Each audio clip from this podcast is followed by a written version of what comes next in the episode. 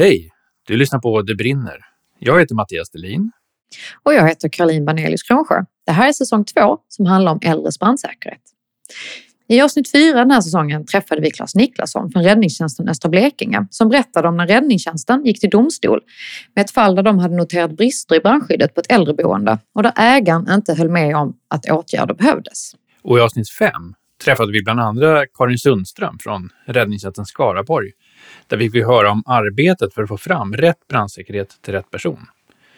Och Karin har även gjort en tillsyn på särskilt boende för fyra år sedan, där man också fick situationen att räddningstjänsten och ägaren inte var överens och det gick till domstol. I år avgjordes frågan i kammarrätten och det är detta rättsfall som dagens avsnitt kretsar kring. Med oss har vi Erik Lyckebäck från räddningstjänsten Skaraborg.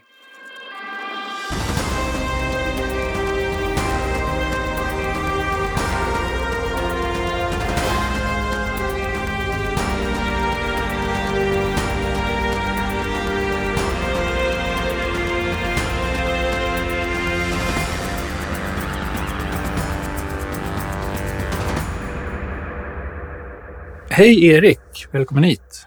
Hej, tack så mycket. Först av allt, vem är Erik? Vem, vem är jag? Ja, eh, nej, men jag är brandingenjör. Sedan ett antal år tillbaka så jobbar jag på räddningstjänsten eh, Skaraborg och sedan årsskiftet är jag enhetschef för vår enhet eh, samhällsskydd då, som ansvarar för förebyggande frågor. Mm. Så du är ansvarig för den verksamheten som gör tillsyn och ute och eh, ser att allting ser bra ut i samhället? Ja, det stämmer. Mm. Spännande. Och då bland annat våra äldreboenden. Ja, precis. Ja. Det har varit ett, ett fokusområde för oss eh, sedan ett antal år tillbaka. Intressant. Innan vi går in på det så vill vi ju veta, har du haft en brand hemma Erik? Eh, nej, jag har inte haft någon brand hemma. Ett tillbud kan jag komma ihåg och det var när jag var kanske i tioårsåldern. Kom hem från skolan och skulle sätta igång eh, tvn då när jag var först hemma. Då var det en gammal tjock-tv där det började liksom slå gnistor och ryka ur baksidan. Så. Men jag lyckades dra ur sladden i det fallet och sen hände inget, inget mer. Så att jag tror det hade kunnat bli någonting men eh, ingen brand kan jag inte påstå, tyvärr. Ja, tyvärr kanske jag tar i. Eh, Det hade blivit en, en bättre historia kanske. Så här i efterhand. Ja, fast det är alltid bra när det inte brinner tänker jag. Ja, absolut. Nej, jag är jätteglad för det. Jag har haft tur, tror jag har klarat mig. Ja, men de här tjock-tv-apparaterna börjar ju försvinna. Så de bränderna börjar ju försvinna också. Från, för de var ganska vanliga tidigare, vill jag minnas. Eller vad säger du Mattias? Nej, jag tror det stämmer det. Eh, och av olika skäl att folk, eh, bland annat hörde att många ställde blomkrukor ovanpå och vattnade och spillde ner tvn och det orsakade kortslutningar och startade bränder. Så det, är- det kan man inte göra på dagens tv-apparater. Nej, det är verkligen en utmaning. Eh, Karin gjorde som sagt, hon gjorde en tillsyn och då enligt lagen om skydd mot olyckor eh, på ett Eh, LSS-boende och ni såg flera brister. Kan du berätta mer om det här? Vad var det för byggnad och boende och vad var det ni såg och så vidare? Nej, men det var ju ett äldreboende, eller inte ett äldreboende, ett behovsprövat LSS-boende är det som var inrymt i ett flerbostadshus kan man säga. Så att det var en del i markplanet där det fanns fyra boenderum för eh, brukare då med ganska så stora hjälpbehov i det här fallet. Kopplat till också ett personalutrymme och en gemensamhetsdel och så. Ganska klassiskt hur de här typen av vårdboendena brukar se ut. Sen fanns det också i kvarteret då ett antal satellitlägenheter för brukare som hade lite mindre hjälpbehov som också var anslutna till det här boendet. Så där gjorde vi våran tillsyn. Mm. Hur ofta gör man sån tillsyn? Vi, som jag nämnde där så har vi prioriterat eh, äldreboenden just i våran tillsyn eh, historiskt sett då. Så vi försöker att gå våra äldreboenden vart fjärde år.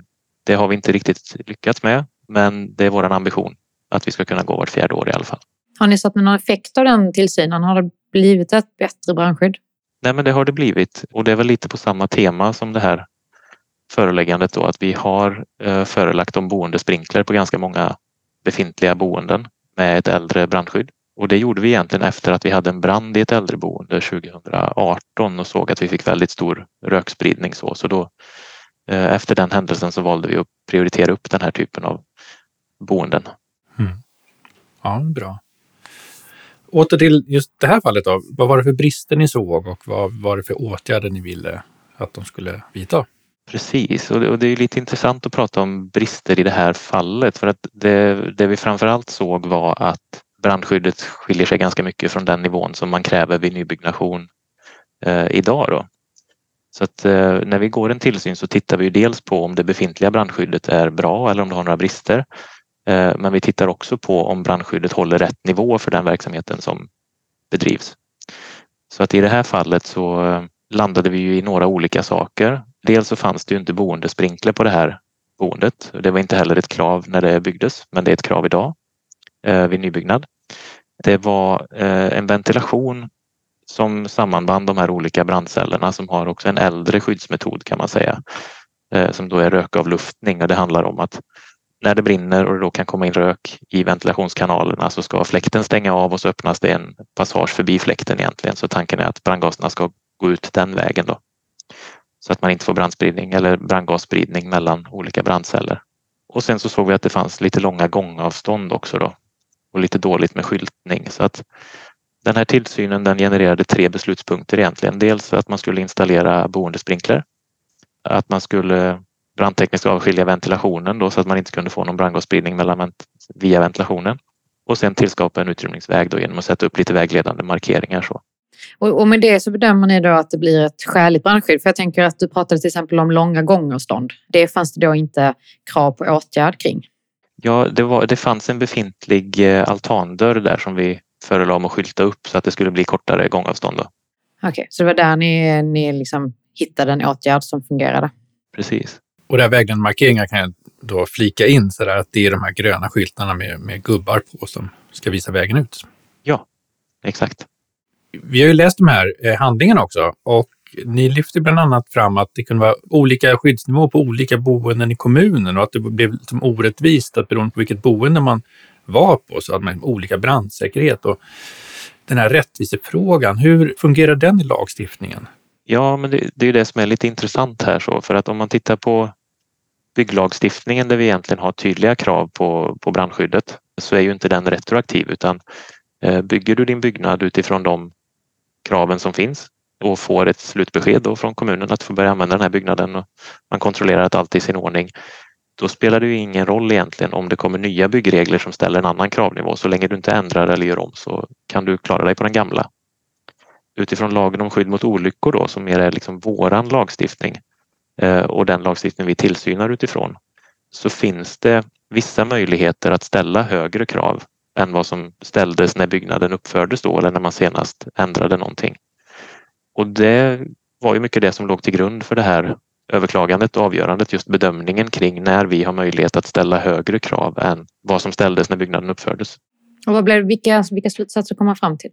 Jo, men eh, vi har ju gjort ett antal tillsyner och vi har bevakat rättsfall då där man har förelagt om sprinkler i äldreboenden. För det som hände egentligen i byggreglerna var att 2012 så kom det ett krav på att man skulle förse nya äldreboenden eller de här särskilt behovsprövade boendena då med boendesprinkler. Så att man höjde skyddsnivån i byggreglerna. Och utifrån lagen om skydd mot olyckor då så ska vi egentligen utgå från den grundläggande nivån. Men det finns vissa undantagsfall där vi kan ställa högre krav och det är när det finns eller råder särskilda omständigheter kan man säga. Och en sån särskild omständighet som finns angiven då det är att skyddsnivån idag är väsentligt mycket högre än den som gällde när den här byggnaden uppfördes. Eh, och där i kommer ju också resonemanget då kring eh, eh, likhetsaspekten att om man får plats på ett nybyggt vårdboende då har man allt det här skyddet då enligt nybyggnadskraven. Men får du en plats på ett befintligt vårdboende så kan du ha betydligt lägre nivå på brandskyddet eftersom kraven ju längre tillbaka man går desto lägre var kraven egentligen. Mm. Men innebär det då, jag tänker att det här, ni har fokuserat i, i ert förbund på äldreboende, men då kan du skilja mellan förbund och kommuner. Tänker jag. Just det här rättviseperspektivet. Absolut. Det, det, kan det helt klart göra och det där gör olika räddningstjänster olika prioriteringar och olika bedömningar också. Vi är ju en kommunal verksamhet i grunden så det finns utrymme för att göra olika tolkningar från kommun till kommun. Spelar det någon roll när ni är ute och tillsynar huruvida de som bor på det särskilda boendet, vilken förmåga de har att utrymma själva? Det, det blir ju en jätteviktig del i det. det styr ju om man kan förväntas utrymma på egen hand eller om man har behov av att få hjälp av personalen för att utrymma på ett sånt här boende. Och det kan ju också vara skillnad på hur, vilken typ av hjälp man behöver så att säga. Det finns ju personer på den här typen av boende som kanske har någon form av psykisk eh, funktionsnedsättning som kanske egentligen bara behöver lite hjälp med att ta beslutet om att gå ut. Allt till att man har väldigt kraftigt fysiskt funktionsnedsatta eh, boende då, som behöver väldigt mycket hjälp rent fysiskt för att ta sig ut helt enkelt. Hur är utrymningssituationen tänkt att vara på ett särskilt boende? I det här fallet så är det ju eh, boenderum som ansluter mot en korridor. Eh, den här korridoren är en egen brandcell så tanken är att man kan ta sig ut i korridoren och sen därifrån kan man välja en annan väg ut. Då. Så i det här fallet hade man tre vägar från den här korridoren efter vårt föreläggande då. Så en via en altandörr, eh, en via ett gemensamhetsutrymme och en dörr i änden av korridoren som gick direkt ut till det fria. Men tanken är att man ska utrymma alla då? Eller är det i den, om det börjar brinna i någon av lägenheterna, att man utrymmer den lägenheten? Ja, det kommer ju vara första prioritet i alla fall och funkar det byggnadstekniska brandskyddet som det ska så ska man ju kunna avvakta utrymning i de andra brandcellerna under en period i alla fall. Mm. Om man tittar på själva processen här, eh, som du sa, ni är en kommunal verksamhet, men det var också kommunen som drev den här eh, verksamheten som ni ställde krav på och eh, de var inte överens med er. Så de överklagade. Hur, hur ser den processen ut? Var, vart gick de först då och tyckte att ni hade fel? Jo, men det är väl ganska ofta så. Alltså vi tillsynar våra kommunala verksamheter och vi har ju olika perspektiv. Men generellt sett så uppmuntrar ju vi de vi tillsynar oavsett om det är kommuner eller inte att eh, överklaga om de inte håller med om vår bedömning för att få sin sak eh, prövad. Då. Mm. Eh, och det är också något som vi ser väldigt positivt på när vi får den här typen av rättsfall för att så som den paragrafen vi lutar oss mot i lagen om skydd mot olyckor är skriven så är den väldigt bred i sin formulering. Lite förenklat kan man säga att, att det ska finnas då ett skäligt brandskydd. Så att den är ju svårtolkad och det behövs eh, domar av det här slaget för att liksom ge vägledning i vad som är den här eh, skäliga nivån. Mm. Har ni några sådana domar sedan tidigare att stödja på? Ja, vi har några egna, eh, men framför allt så har vi väl bevakat utåt då för att se olika rättsfall där man hanterar liksom liknande frågor. Och i de allra flesta upplevde vi före den här tillsynen att vi såg att det var skäligt att installera boendesprinkler då för att höja skyddsnivån helt enkelt. Och det var därför vi valde att göra det i det här, i det här fallet också. Och det här avgjordes nu i kammarrätten tidigare i år. Är det färdigt nu eller kan någon part överklaga det här vidare och kommer det att hända tror du? Nej, så, så vitt jag vet så är det färdigt. Vi har inte fått någon ytterligare återkoppling på att det skulle vara överklagat så den, den eh, perioden bör vara passerad. Mm. Och, vad, och vad händer med brandsäkerheten nu? Har man åtgärdat den eller pågår det? Eh, det pågår så vitt jag vet. Eh, nu är det inte mitt ärende det här så jag vet faktiskt inte exakt i vilket skede det, det är just nu. Men eh, domen, beslutet har ju vunnit laga kraft. Så... Var det hela eh, föreläggandet man överklagade eller var det vissa delar? Nej, det var vissa delar. I den första överklagan man överklagar i första instans till Länsstyrelsen och sen till förvaltningsrätten. Och i de två överklagandena så, så överklagade man egentligen både att installera boendesprinkler och eh, åtgärderna på ventilationsbrandskyddet. Då. Och egentligen man motsatte sig helt och hållet att installera boendesprinkler och man gav ett förslag på en lösning för ventilationsbrandskyddet kan man säga.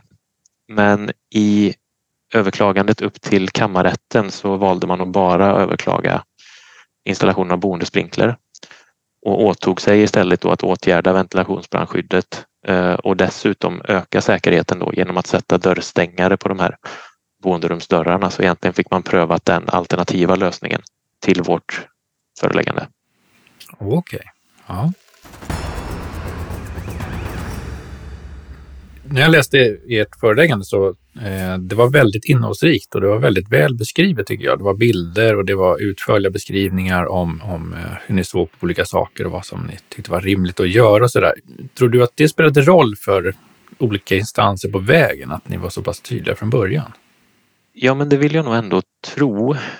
Jag tror att det är ganska lätt att eh, man faller på formalia fel eh, som myndighet när man skriver ett beslut på det här sättet så måste det vara korrekt juridiskt såklart för att det ska vara rätt säkert mot, mot den enskilde. Så att vi har lagt ganska stor vikt vid att se till att vi beskriver förutsättningarna och motiverar våra beslut på ett bra sätt så att, så att dels att det blir förståeligt och dels att man förstår vårt resonemang och kan använda det i sin överklagan då för att eh, ett problem i vissa fall kan vara att vi får ärenden som blir överklagade men är inte överklagandet kan man inte motivera det på rätt sätt så kommer det att falla eh, och då får man ingen riktig vägledning av domen heller så att det, det är viktigt för oss att man får ett, ett, ett bra underlag och förstår varför vi har fattat beslutet så att man också kan eh, invända och överklaga mot det man inte delar i bedömningen. Då. För det du säger här det är att en tillsyn och ett föreläggande det är ett myndighetsbeslut som helt enkelt kan överklagas och det har med rättssäkerhet det också att göra. Eh, I allra högsta grad så. Vi ska inte rikta några krav mot den enskilde som vi inte har rätt enligt lag att ställa. Och vi ska inte ställa dem på ett sätt som inte är rättssäkert för den enskilde helt enkelt. Jag tänker så här, eh, de här processerna kan ju bli ganska långa med mycket överklagan och så vidare. Vilka möjligheter har ni om ni ser att brandskyddet skulle vara alltför dåligt att till exempel stänga ett boende? jag tänker här kräver ni ändå boendesprinkler som höjer brandskyddet ganska ordentligt och vi pratar om, om att vi ska ha lika eh, rättviseprincipen, li, lika brandskydd på olika ställen eh, oavsett vilket boende man bor på. Eh, när överväger man att ta till den extremen att faktiskt stänga ner en verksamhet? Ja, vi är ju ganska så restriktiva med att rikta förbud mot verksamheter. Men ser vi att det finns en direkt fara för personsäkerheten så kan vi lägga eh, förbud. Vi kan också fatta beslut som gäller även om de överklagas då. Kan du utveckla det? Vad betyder det? Ja, e-, egentligen betyder det så att vi kan i vårt beslut utifrån lagen om skydd mot olyckor så har vi rätt om det är brådskande att kräva att en åtgärd vidtas även om man överklagar. Och den som överklagar får då begära att det beslutet inhiberas och det gör man separat och så tar domstolarna beslut om det ska göras under överklagandetiden eller om man blockerar även den delen av beslutet då medan det prövas. Det här låter som ganska svåra överväganden för att fara för brand, den är ju vad den är. När tar man gränsen mellan att det är jättefarligt eller bara farligt? Ja, det är en jättebra fråga. Vi, vi brottas ganska mycket med det och, och, vi för de resonemangen från fall till fall i mångt och mycket. Men i det här fallet där det rör en, en liksom ökning av brandskyddsnivån och kanske inte direkta brister i det befintliga brandskyddet så valde vi ju inte att liksom gå hårdare fram än vad vi gjorde. Har vi fall där det kanske helt saknas utrymningsvägar och sådana saker, då har vi varit betydligt hårdare med förbud. Då ser vi och kanske om det är större personantal eller sådär att det liksom blir en större risk helt enkelt för människors säkerhet. Just det.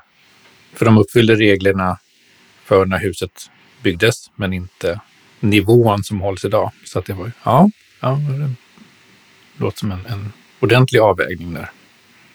Ja, om du får ge några råd till andra som eh, kommer i kontakt med det här på sätt, kanske är verksamhetsutövare själva, bedriver sån här verksamhet eller har anhöriga som bor så här eller för all del jobbar på en annan räddningstjänst som också brottas med brandsäkerhetsnivån på boendena i kommunen. och Så där. Vad, har du några råd du vill ge? Ja, mitt råd är väl att det ofta är så, eh, är min uppfattning, att det är skäligt att höja skyddsnivån på befintliga äldreboenden.